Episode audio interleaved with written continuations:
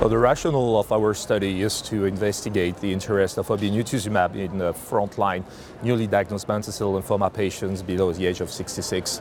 So why obinutuzumab uh, instead of rituximab? Because obinutuzumab, as everybody knows, has a different mechanism of actions that could be very interesting in mantle cell lymphoma. It has a cell direct, it induces cell death directly, which is something that rituximab is not able to do.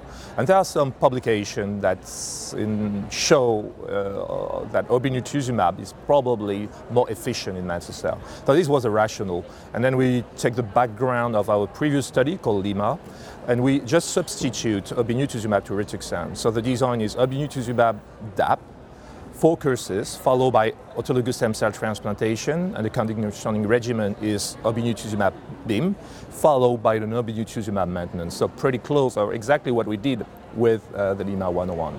So in, in the LYMA 101 trial, we enroll a young patient below the age of 66. So these are patients who are eligible for autologous stem cell transplantation.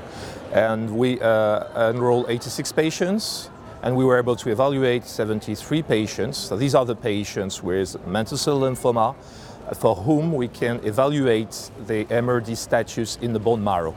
So these are what I call the, uh, the, the, set of patients where we'll look at the result of the trial. The endpoint of the trial is the MRD status at end of induction. So after four courses of obinutuzumab DHAP, we'll look at the MRD status in the bone marrow.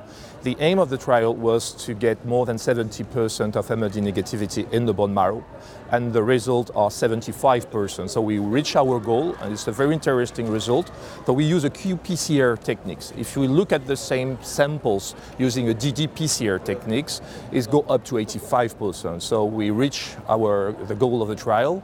We have a very nice high level of MRD negativity in the bone marrow, so this is very encouraging. I also presented some data about PFS and overall survival. So with a very short follow-up, only 14.6 months, but I think it was interesting to show that to the colleagues. And this was a very interesting and very good result. So the curves were very nice, more than 95% of the patients are still alive, even if it's soon, it's interesting to notice. In daily practice, LYMA 101 will not change anything, to be honest, because obinutuzumab is not registered in this indication. As a first step to demonstrate in clinical practice that maybe we should think about obinutuzumab as the new CD20 antibody in mantle cell lymphoma. And this is quite important because mantle cell lymphoma is the only B-cell malignancies where rituximab maintenance has demonstrated a benefit in terms of overall survival. I'm not talking about PFS, but about overall survival.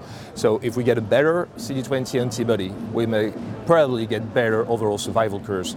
And this is why this trial is a proof of concept, and it really pushed obinutuzumab on the front line of the drug that we have to test in mantle cell lymphoma in the close future.